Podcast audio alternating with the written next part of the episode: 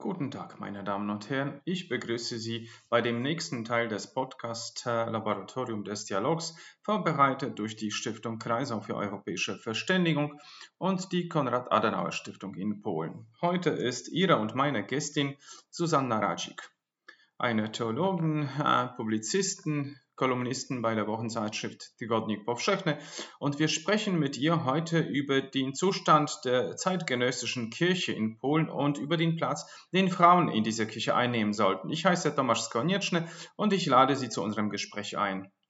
Wir beginnen vielleicht mit einer hinterlistigen Frage. Warum heute angesichts der fortschreitenden Säkularisierung des öffentlichen Lebens und manchmal auch ähm, des ausgeprägten Antiklerikalismus äh, angesichts aller Krisen in der Kirche, äh, bei den Menschen der Kirche. Äh, warum sollen wir über den Zustand der Kirche in Polen sprechen? Naja, das ist ein besonderer Moment ähm, dafür, äh, äh, um sich darüber zu unterhalten. Das ist eine Krise. Eine Krise heißt oft äh, einen Wandel.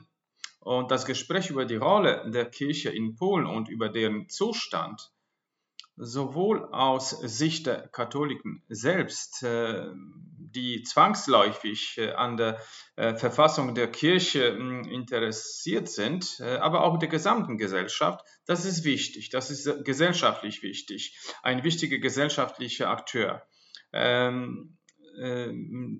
Weil das äh, ein gemeinschaftliches Phänomen ist. Wenn wir über die Kirche sprechen, dann haben wir mit verschiedenen Dimensionen zu tun. Aber wir sprechen hier über die institutionelle, formale Dimension, über die Hierarchie, über das, wie äh, die Kirche gemanagt wird, über ihre Beziehung zum Staat.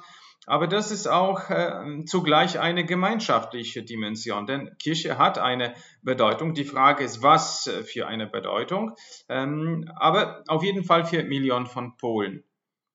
Und äh, wir kommen vielleicht auch später darauf zurück, aber die Kirche beginnt für vor allem junge Menschen ein Wesen zu sein, das nicht so wichtig ist. Aber diejenigen 40 plus, äh, wenn die äh, aus der Kirche austreten, dann oft, weil sie verärgert sind, weil sie glauben, äh, das ist nicht äh, die Kirche so, wie sie sein soll. Mm, die Kirche weckt verschiedene Emotionen.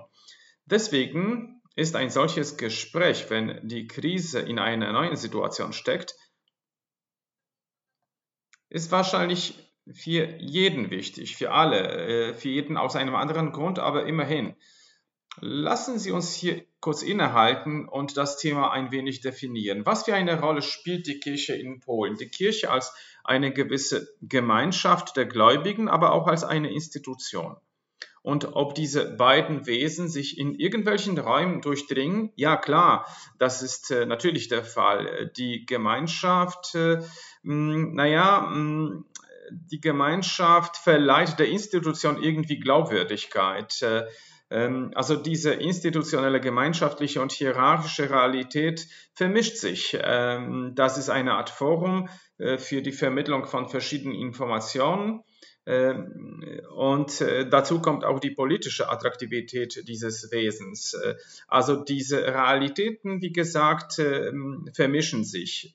Natürlich kann man ähm, mit Erfolg äh, dieses gemeinschaftliche äh, und religiöse Leben genießen, ohne ähm, diesen politischen Aspekt äh, in Betracht zu ziehen. Ähm, natürlich ist eine Frage, ob das richtig ist, diesen Aspekt zu ignorieren und zu sagen, na ja, ich komme hier nur, um meine geistige Nahrung zu schöpfen und beten. Ich würde eher dazu neigen zu glauben, dass wenn man äh, ein aktives Mitglied der Kirche ist, dann soll man auch mitverantwortlich sein äh, für die Form der Kirche und äh, für das, was innerhalb der Kirche passiert. Das ist natürlich unglaublich schwierig. Äh, die Kirche ähm, gibt nicht viele Instrumente den äh, Laien in der Kirche, um äh, damit fertig zu werden, um diese Mitverantwortung zu übernehmen hm, das ist keine partizipative Institution, äh, keine demokratische, aber äh, man kann natürlich äh, sich schwer davon lossagen. Indem man sagt, naja, ich bin hier nur, um zu beten und Kommunion zu empfangen. Hm, das gibt es nicht. Es, naja, äh, in einem theologischen Sinne kann äh, die Kirche nicht ohne die Hierarchie, ohne Bischöfe oder die, hm, ohne die Nachfolge der Apostel existieren. Aber wir können allerdings Fragen stellen. Müssen das Männer sein? Äh, muss das äh, quasi eine Selbstselektion sein unter den äh, Zölibatären? Ist es wirklich nicht möglich, dass wir zum Beispiel eine Art Audit durchführen in der Kirche? Wenn wir dies akzeptieren, dann teilen wir diese Verantwortung, glaube ich. Umso mehr, dass die Kirche ein ziemlich hochmütiger gesellschaftlicher Akteur ist. Die Kirche verfügt über eine große politische Kraft. Äh, wobei ähm, Bischöfe lassen sich oft äh, davon irreführen. Thomas Stelikowski sagt oft, dass noch vor kurzem mh, mm, auf Wunsch eines Bischofs äh, von zum Beispiel Gosławski kamen nach Danzig alle Mitglieder der politischen Parteien inklusive der Linken. Ähm, ähm, also, man sieht das, glaube ich, äh, in den letzten Jahren wie die Kirche glaubt, Einfluss zu haben und aber auf der anderen Seite sich äh, von der Politik verführt wird und äh, in anderen Bereichen ihre Glaubwürdigkeit verliert. Das sind äh, verbundene Wesen, das kann man nicht getrennt betrachten, also dieses gemeinschaftliche Leben und die Hierarchie der Institution.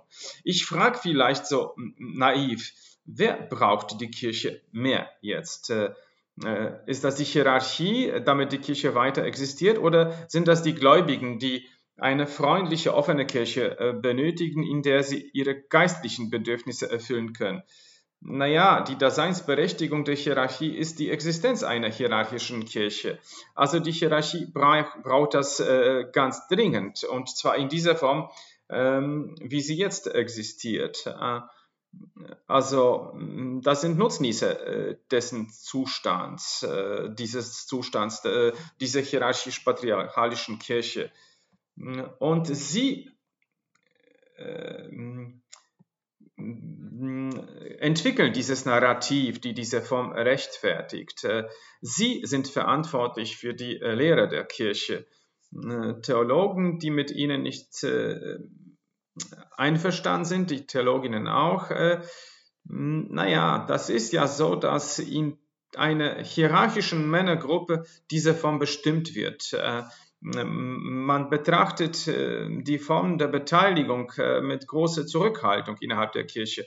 Das ist quasi eine Kraft des Privilegs, die dieses Privileg verteidigen wird, wie jetzt anlässlich der Synode über die Kirche. Also die Kirche wird sich nicht selbst äh, abbauen oder wird nicht von alleine zurücktreten. Und äh, ich glaube fest an religiöse Bedürfnisse der Menschen, ähm, die sie haben. Natürlich kann man sie nicht haben. Ich möchte ähm, das niemanden äh, aufoktroyieren. Ich kenne viele Personen, die nicht religiös sind, atheistisch sind, die nicht dieses Bedürfnis spüren, aber wir sehen immer noch viele Personen, die etwas äh, bei der Kirche suchen. Und was suchen sie da?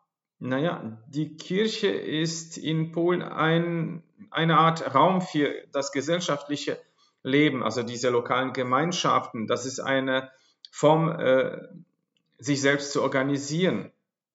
Äh, also diese Zugehörigkeit äh, zu einer Pfarrgemeinde, äh, der Gottesdienst am, am Sonntag, das ist wichtig für viele lokale Gemeinschaften. Das ist nach wie vor ein äh, wichtiger Raum für eine Gemeinschaft. Deswegen fällt es oft schwer, sie zu verlassen, auch wenn man nicht besonders gläubig ist. Das ist eine Art Forum. Also das ist eine bestimmte Funktion. Aber das ist auch eine Funktion, die geistige Nahrung zu finden, äh, über sein Leben zu reflektieren. Ähm, und äh, das äh, tut mir am meisten weh, dass die Menschen hier ähm, die dort etwas Wichtiges finden wollen, ähm, oft in diesem Raum Propaganda als auch Ressentiments und Hass hören äh, in Bezug auf verschiedene äh, gesellschaftliche Gruppen. Das ist aber nicht der Grund, warum sie dort kommen. Oder vielleicht äh, doch. Äh, ähm, denn sie wollen dadurch quasi ihren Weg in ihren Stamm finden und äh, das, Gefühl, das Gefühl haben, ähm, einer äh, Gruppe anzugehören. Mhm.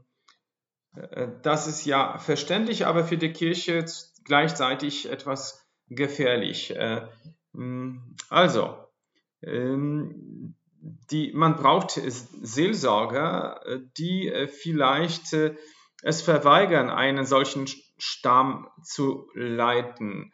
Ähm, manche geraten aber in diese Versuchung, die narzisstische Versuchung, einen solchen Stamm zu führen, der weltanschaulich kohärent ist.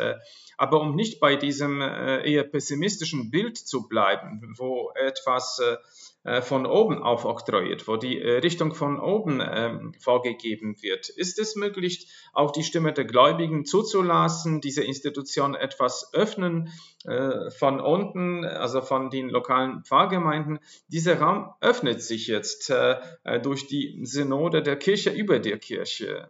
Also, äh, eine partizipative Überlegung oder Reflexion. Äh, wir werden dazu ermutigt, am synodalen Prozess teilzunehmen.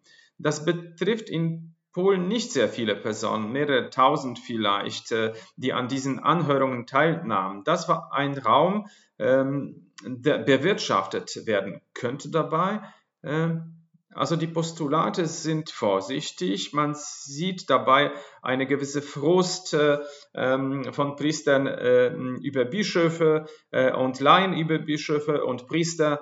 Hm, das zeugt aber von Problemen, die eher normal sind, aber auch fundamental, dass wir nicht gemeinsam bleiben können, dass wir nicht in Beziehungen bleiben können, die theoretisch Kirche uns anbietet diese Beziehungen sind oft von Gewalt äh, geprägt. Äh, wenn Priester sich zum Beispiel über ihre Beziehungen äh, zu Bischöfen äh, beschweren. Das ist etwas beunruhigend, äh, da sie sich in dieser Beziehung nicht äh, wohlfühlen.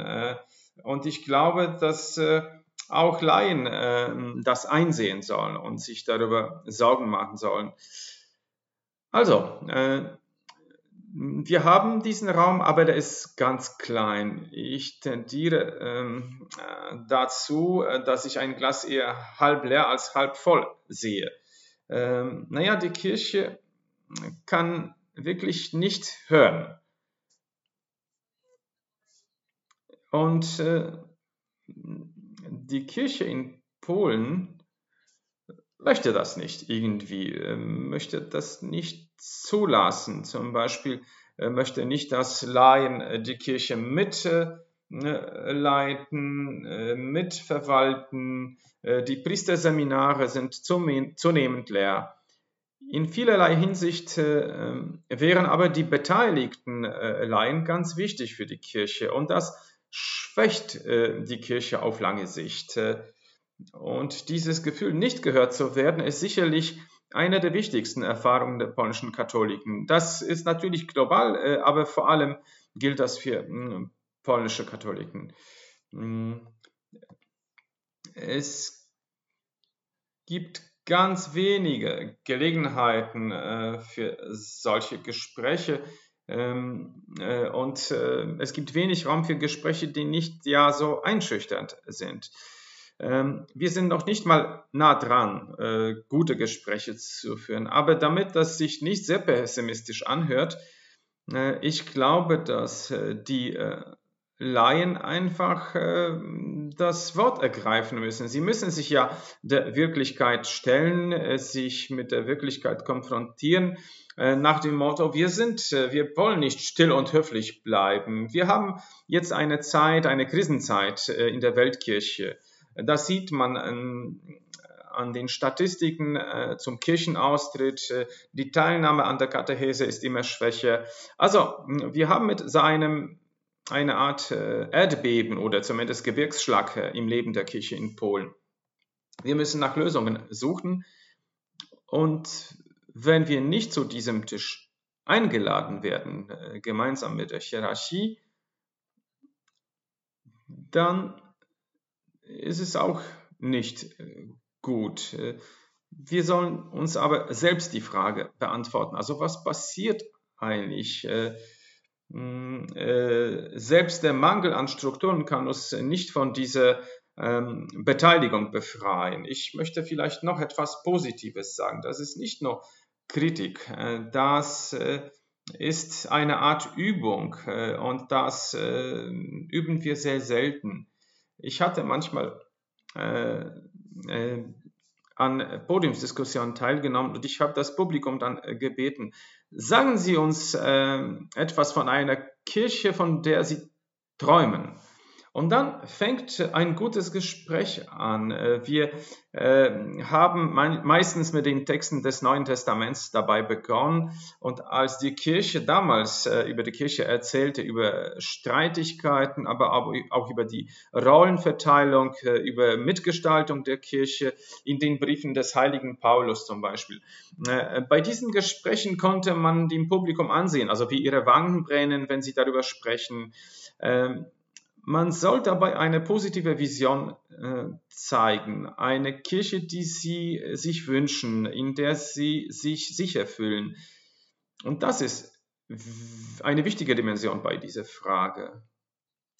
Möchten wir wirklich diese Kirche in dieser Form haben? Ist sie für uns sicher oder brauchen wir eine andere Kirche, ähm, eine sichere, eine nährende, gemeinschaftliche Kirche, ähm, das ist dabei ganz wichtig äh, und jeder ähm, kann das äh, so äh, darüber so denken. Ich frage etwas provokativ. Wie finden sich als, Sie sich als Frau in der Kirche zurecht? Und wie ist das Verhältnis der Kirche zu den Rechten und der Gleichstellung von Frauen? Ich möchte das nicht verheimlichen, dass in dieser Formel, also was darf man, was darf man nicht einem bestimmten, mm, was darf nicht ein bestimmtes Geschlecht. Mm, ich fühle mich nicht ganz wohl äh, darin. Ich halte das für ungerecht. Das ist eine Entkulturation, äh, diese äh, Teilung der Aufgaben wie aus der Spätantike. Wir haben das äh, mitgenommen aus der Geschichte, also die Frau bleibt äh, zu Hause und der Mann agiert im öffentlichen äh, Raum. Äh, und das sind ja bürgerliche Freiheiten und Rechte. Aber in der Kirche werden diese öffentlichen Aufgaben mehr und mehr zugelassen. Aber wir sind noch nicht mal dort, wo wir in der Spätantike waren. Ich möchte eine andere Kirche also. Ich spreche von einer Kirche, die ich haben möchte. Ich spreche über äh, die Kirche der gleichberechtigten Männer und Frauen. Ähm, der heilige Paulus sagte damals, es gibt nicht mehr Juden und Griechen, nicht Sklaven und Freie, nicht männlich und weiblich, denn ihr alle seid eine in Christus Jesus. Also dieses emanzipatorische Potenzial des Christentums ist da. Aber die Abwesenheit äh, der Kirche dabei ähm, wirkt abstoßend. Ähm, die Kirche hat irgendwie äh, äh, zu kämpfen mh, hm, und kann sich nicht damit abfinden. Aber die Kirche mh, hm, muss es früher oder später machen. Ich hoffe zumindest, dass es, äh, wenn es um die Emanzipation der Frauen geht, es kein Zurück mehr gibt. Äh, naja, manche werden sich damit auseinandersetzen. Äh, hm, und man, und, und man muss dann endlich zugeben, dass es keine fundamentalen Unterschiede gibt zwischen äh, Mann und Frau. Das, worüber Sie jetzt sprechen, ist das der sogenannte katholische Feminismus? Naja, hm, ich kann mich nicht erinnern, wer das sagte, dass der Feminismus ist eine radikale Überzeugung, äh, dass äh, Frau Mensch ist. Äh, das heißt, dass sie gleichberechtigt ist. Äh, und in diesem Sinne ist es ähm, der katholische Feminismus. Man äh, kann das aber auch mit dem neuen Feminismus von Johann Paul II. verwechseln. Ähm, der sieht schon bestimmte Frauenrechte, ähm, aber auf der anderen Seite zügelt er quasi äh, die Begierden äh, der Frauen, ihre Wünsche.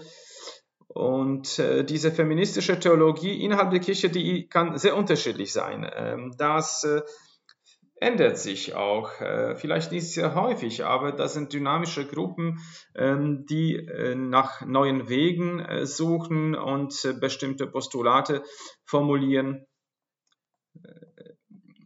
Also, äh, diese äh, feministische Theologie, äh, die gibt es schon seit einigen Jahrzehnten. Manche sind dabei sehr radikal, zum Beispiel in der Form, äh, zum Beispiel Frauen, die auf dem Petersplatz nach einem Zusammentreffen der Kardinäle protestierten, die waren ja vielleicht nicht so radikal, aber sie meinten, es ist sinnvoll, mit diesen Forderungen äh, auf die Straße zu gehen. Und manche ähm, glauben, dass äh, Frauen in der Lage sein sollten, bestimmte Dinge zu tun, zum Beispiel Ministrantinnen zu werden oder zumindest ernst genommen zu werden. Ähm, oder sie möchten äh, zumindest nicht in Rollen gekleidet werden, die sie gar nicht wollen. Äh, also, jeder von uns findet äh, schon äh, den eigenen Weg und eigene Fragen dazu.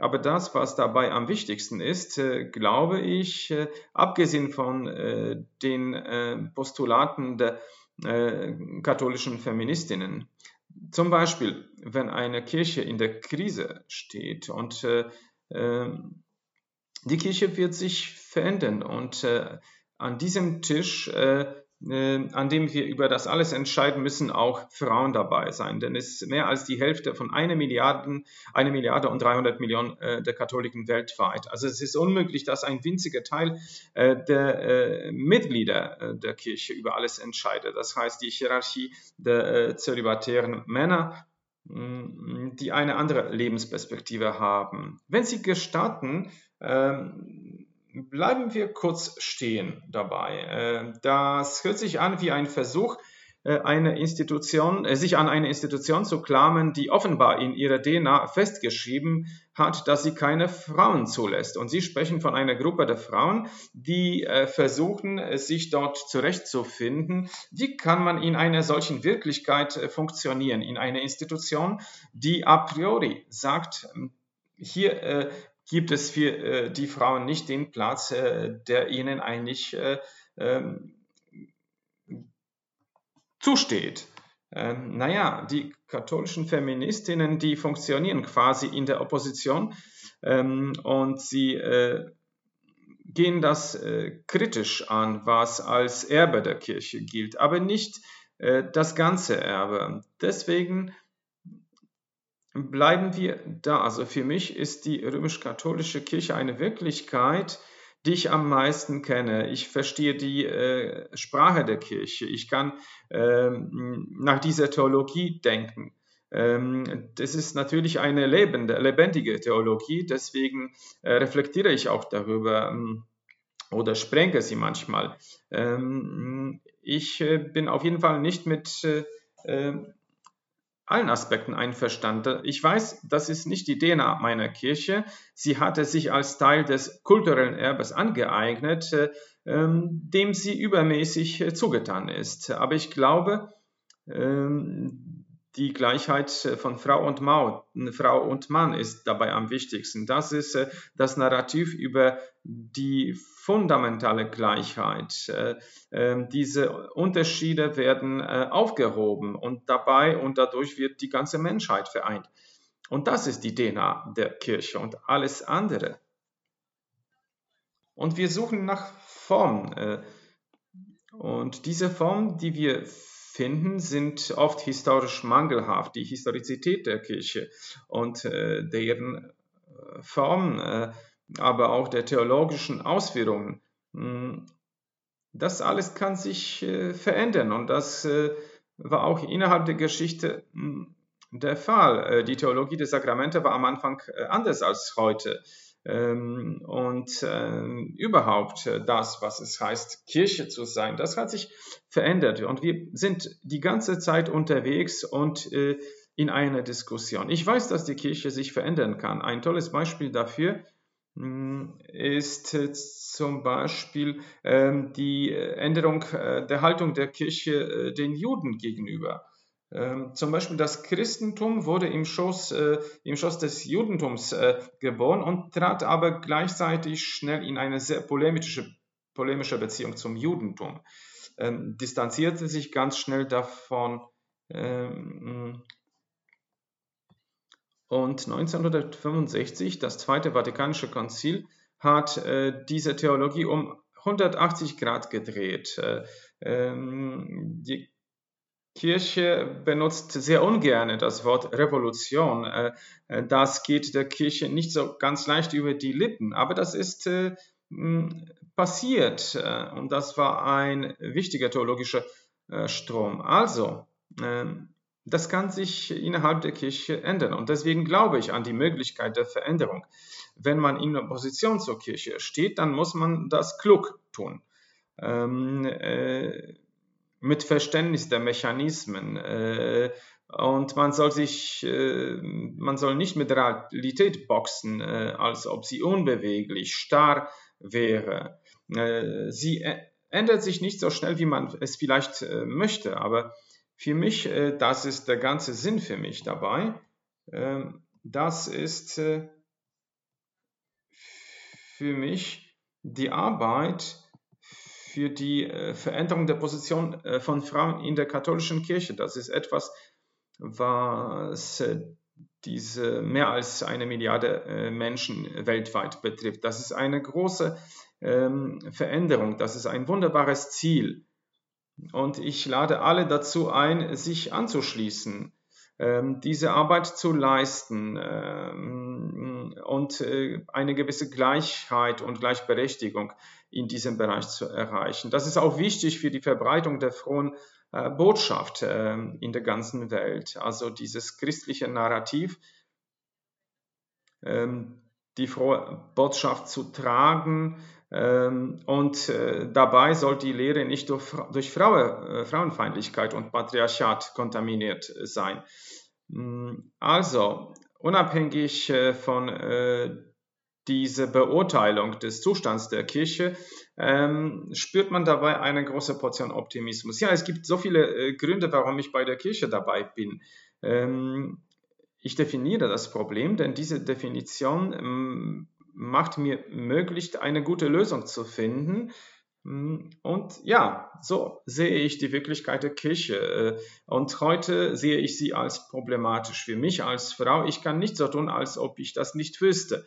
Aber das ist meine Realität und gleichzeitig ist es eine ganz große Erfahrung der Schwersternschaft. Äh, und zwar global. Dieser ganze äh, katholische Feminismus äh, in Form von ähm, Freundschaften auf allen Kontinenten, das ist eine tolle Erfahrung. Äh, ähm, das könnte vielleicht jemandem entgehen. Äh, also diese Revolutionärinnen, die äh, gegen die Kirche kämpfen, wie man denken ist. Aber wir können gemeinsam sehr schön beten.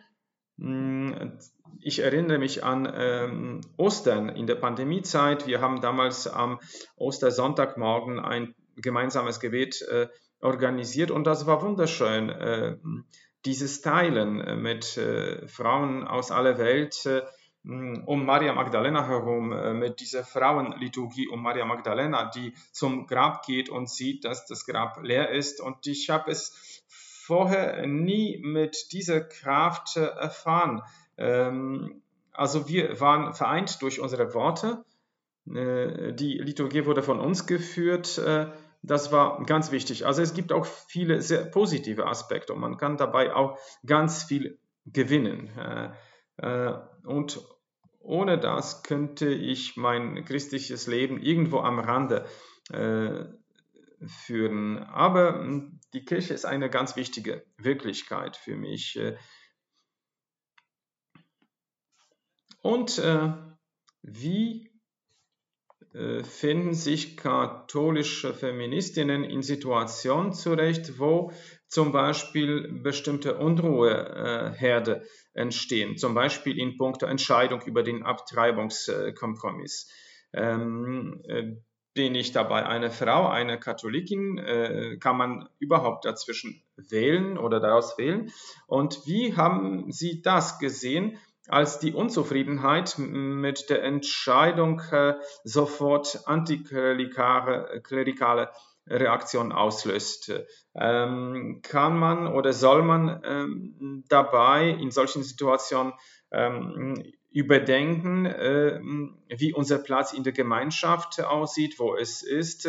Naja, das ist unterschiedlich. Das waren gleich zwei Fragen auf einmal. Ich sehe dabei auch eine gewisse Evolution, ähm, äh, äh, bedingt durch die Eskalation, durch Ansprechen des Abtreibungsverbots in Polen. Äh, viele Frauen, die ich kannte, die äh, sich quasi als äh, Teil hm, des katholischen Feminismus sehen, die wollten äh, nicht zu einer Demonstration gehen. Die glaubten, das wird dann ähm, zu sehr für, das, für die Abtreibung äh, sein. Also äh, das äh, war für sie zu ambivalent. Manche ähm, sind sehr für den Abtreibungsverbot, aber nicht auf diese Art und Weise. Äh, ich glaube, das war eine ganze breite Palette von Reaktionen. Äh, manche sehr gegen die Abtreibung, manche haben einfach beobachtet, was passiert. Ähm, anders als der polnische Staat ähm, können wir schwer hm, so zu tun, als ob unsere Kolleginnen nicht äh, die Pille danach nehmen würden. Wir können nicht äh, ähm, so spielen, als ob wir es nicht äh, wüssten oder nicht äh, sehen würden. Äh, zum Beispiel Kollegen mit äh, schwieriger Schwangerschaft. Ähm, wir haben dann darüber nachgedacht, was wir wählen würden. Ähm, zum Beispiel, wir hätten uns für sie entschieden äh, und nicht für den Fötus, äh, den sie austrugen. Also, das ist ein großes äh, Teil des äh, Frauenlebens, wo Frauen miteinander äh, darüber sprechen. Und das ist nicht ein äh, öffentlicher Raum. Und ich kann mich erinnern, 2016 so eine Situation, wir saßen an einem Tisch und wir waren empört darüber, was passiert. Damals ging es darum, dass das Präsidium des polnischen Episkopats äh, ein Schreiben an die Kirchengemeinde gesandt hat, in dem es um die Unterstützung eines im SEM eingebrachten Projekts äh, bat, äh, das das Recht auf Abtreibung in allen Situationen ablehnte und die strafrechtliche, strafrechtliche Verfolgung von Frauen vorsah. Und wir saßen da in dieser Küche bei einer Freundin von uns, äh, beschämt als Katholikinnen ähm, äh, darüber, hm, äh, was geschah. Wir hatten nicht das Gefühl, dass es eindeutig verboten werden musste und zugleich, dass wir nicht im Mainstream der kirchlichen äh, Lehre lagen. Aber gleichzeitig hatten wir als Frauen das Gefühl, dass es nicht so sein darf, dass man Frauen deswegen verfolgt, ähm, die fehlgeboten hatten, äh, dass ein Arzt dabei zögern würde. Und viel später, 2020, habe ich äh, einen Beitrag geschrieben äh, für Tygodnik Powszechny über die Herbstproteste der Frauen. Und dann hatte ich das Gefühl, dass sich das irgendwie erfüllt hatte. Hm, äh, das, woran wir damals teilnahmen, äh, äh, an diesem Küchentisch. Äh, dann dachte ich mir, ich möchte auf die Straße. ich möchte in diesem Moment äh, wo die Gesellschaft ignoriert wurde und äh, zwar äh, der größte Teil davon, über eine Hälfte, ähm, das ist ähm, der Anteil der Frauen, das alles passierte willkürlich über die Köpfe der Frauen hinweg. Und wir waren damit nicht einverstanden. Wir leben als Katholikinnen in diesem Land in einem Frauenleben und die Kirche will sich nicht mit uns über ähm, den äh, Frauenkörper unterhalten. Und ich hatte das Gefühl, ich werde in diesem Körper äh, leben und sterben. Und äh, in diesem Körper gibt es so etwas wie Gebärmutter. Und da spielen sich äh, Sachen, die äh, für das Kinderkriegen zum Beispiel äh, eine grundlegende Bedeutung haben. Aber die Kirche wollte nicht auf uns hören, äh, sich nicht mit uns unterhalten. Und das ist, glaube ich, Ja, so, es steckt eine große Kraft äh, bei dieser Erfahrung. Also alle sprechen von unserem Körper, aber niemand äh, unterstützt uns, äh, wenn äh, hm, das wichtig ist. Und das ist eine wichtige äh, Dimension. Die Kirche ist dabei ein wichtiger abwesender Partner für Frauen. Äh, die Kirche hört nicht zu.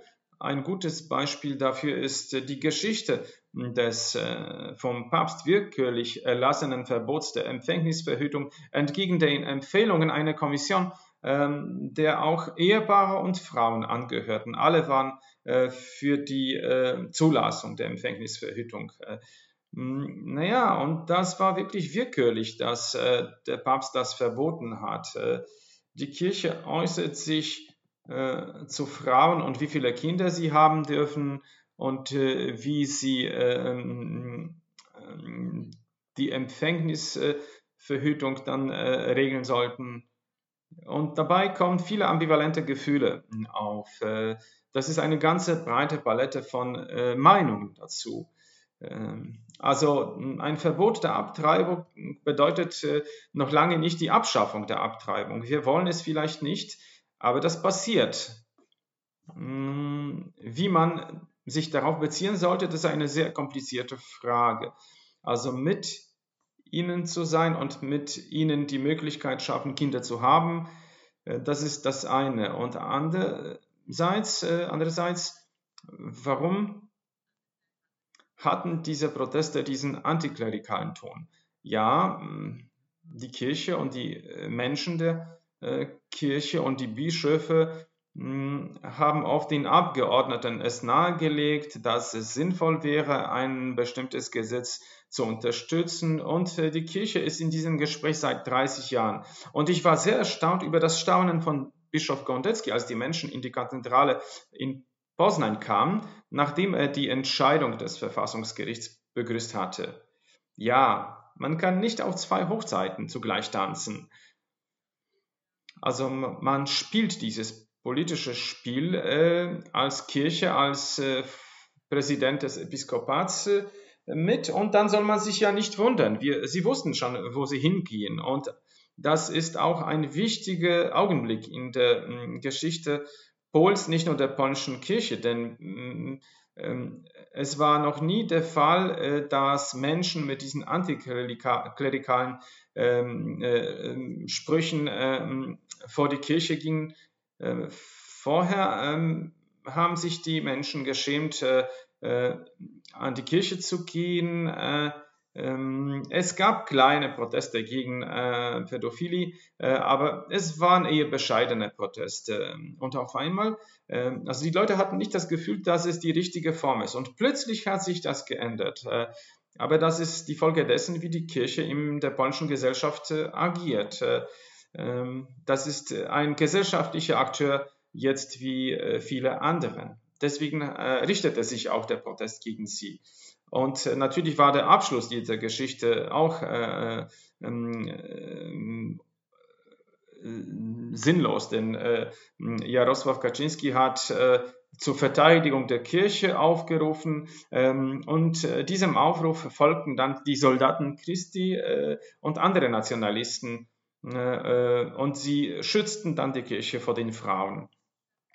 Also wir sind auch Katholikinnen.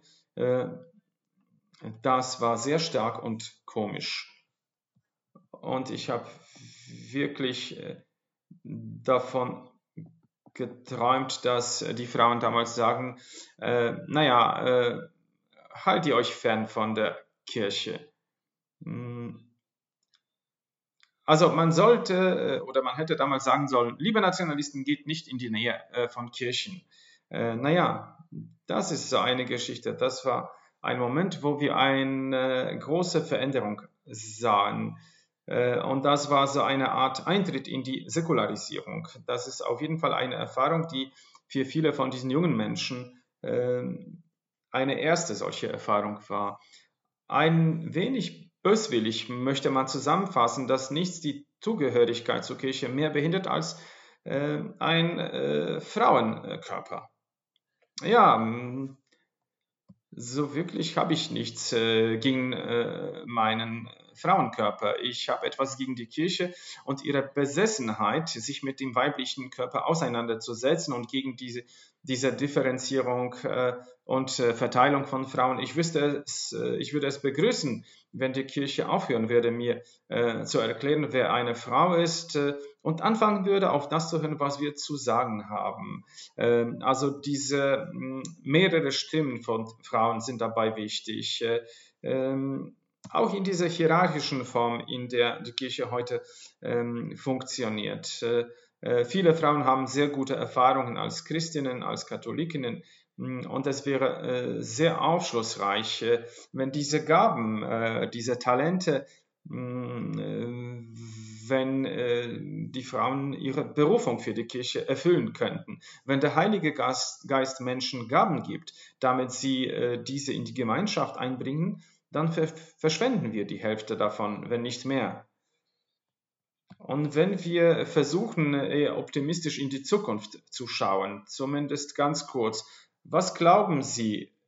Äh, ist es möglich, dass äh, die Dinge sich positiv entwickeln, dass die äh, Kirche zu ihren Kernaufgaben, ihrem Auftrag zurückkehrt, die das Fundament der Kirche bildeten, damals am Anfang, und dass die Kirche wieder zu einem integrierenden, deeskalierenden Element werden kann, zu einem Element, das auf ähm, ähm, Versöhnung und Einbeziehung statt Ausgrenzung drängt. Hm. Naja, hm, über welchen Zeithorizont wollen wir hm, sprechen? Nein, also jetzt ganz im Ernst, äh, die Kirche, die römisch-katholische Kirche in ihrer globalen Form ist ein sehr kompliziertes Wesen. In Polen hat äh, die römisch-katholische Kirche eine erschreckend schwache, äh, erschreckend schwache hm, Personalressourcen, um eine Führungsrolle zu übernehmen. Aber wir werden mal sehen, hm, wie es dann weitergeht bei diesem Prozess. Äh, ob äh, zum Beispiel unter Laienlieder ähm, aufkommen, äh, ob sich daraus äh, bestimmte Ideen für die Gleichstellung entwickeln werden. Ich weiß, dass etwas sich äh, verändern wird. Ich weiß nicht, ob ich dann hm, das noch beobachten kann, aber gut, das wird, glaube ich, äh, noch äh, dynamisch äh, hm, fortschreiten. Ähm, dazu kommen auch viele andere Prozesse, globale Prozesse wie die Klimakrise, verschiedene demografischen Entwicklungen und ähm, wir werden mal sehen, wie, sie, wie die Kirche sich darin zurechtfindet. Und ich bin sehr gespannt, wie das dann weitergeht. Äh, Und ich möchte äh, natürlich, dass wir diesen Prozess begleiten. Wir brauchen dann eine Kirche für andere Zeiten. Es äh, wäre äh, schön, Augen zu öffnen und äh, darüber nachzudenken und äh, sich neu orientieren. Aber wie, das möchte ich nicht sagen. Ich bin ja selber gespannt und ich glaube, dass in dieser sich verändernden Kirche auf vielen Kontinenten, ich weiß nicht, wie die Kirche sein soll. Ich würde selber gerne zuhören und naja, das ist vielleicht dieser Optimismus. Wir werden in den nächsten Jahren sehen, wie verschiedene Ideen aufeinander prallen äh, und das wird äh, höchst spannend sein. Also, das heißt, die Pointe unseres Gesprächs ist äh, nach wie vor Optimismus. Ja, der Glaube daran, das ist ja so ein Gespräch, wir springen äh, hin und her zwischen verschiedenen Perspektiven, aber wenn wir über die Kirche sprechen, äh, das ist äh, ja nicht so ganz optimistisch, aber mm, ich betrachte das aus der Sicht des Glaubens. Das ist eine Gemeinschaft, die Gott wollte. Er wird sie nicht verlassen. Er wird äh, äh, diese Gemeinschaft Impulse, Propheten, Hindernisse und Herausforderungen senden, die diese Kirche in eine zeitgemäßere Form führen werden. Das will ich glauben. Ich glaube, das ist eine ziemlich untypische Perspektive. Meistens äh, äh, wird man mit dieser äh, äh, Laienperspektive konfrontiert, also Kirche als Institution, die ja mh, sehr äh, stark in das Vergängliche verstrickt ist. Ja, absolut. ich kann äh, mich äh, dabei auf eine meiner liebsten katholischen Nichtheiligen beziehen. Sie selbst hatte aber darum gebeten, nicht als Heilige bezeichnet zu werden, obwohl man sie wahrscheinlich zu einer machen wird. Dorothy Day, eine soziale Aktivistin, gründete eine Reihe von Obdachlosenheimen. Sie war in ihrer Jugend selbst eine Suffragette, eine Kommunistin, immer sehr sozial engagiert. Sie wurde schließlich Katholikin, aber eine, die sozial sehr aktiv war. Und gleichzeitig mochte Dorothy Day dieses Gerede von Reformen nicht. Sie, mocht, sie mochte nicht einmal die Tatsache, dass die Sprachen in der Liturgie auf dem Konzil geändert wurden. Aber sie sagte immer, dass sie dieses Gerede über die Bischöfe einfach nicht mochte, weil sie keine Illusion über die Bischöfe hatte, äh, als sie katholisch wurde. Sie erwartete überhaupt nichts von ihnen, aber sie war überzeugt, dass der Heilige Geist Heilige und Propheten für die Kirche erwecken wird. Äh, und das ist äh, auch die Art und Weise, wie ich darüber denke.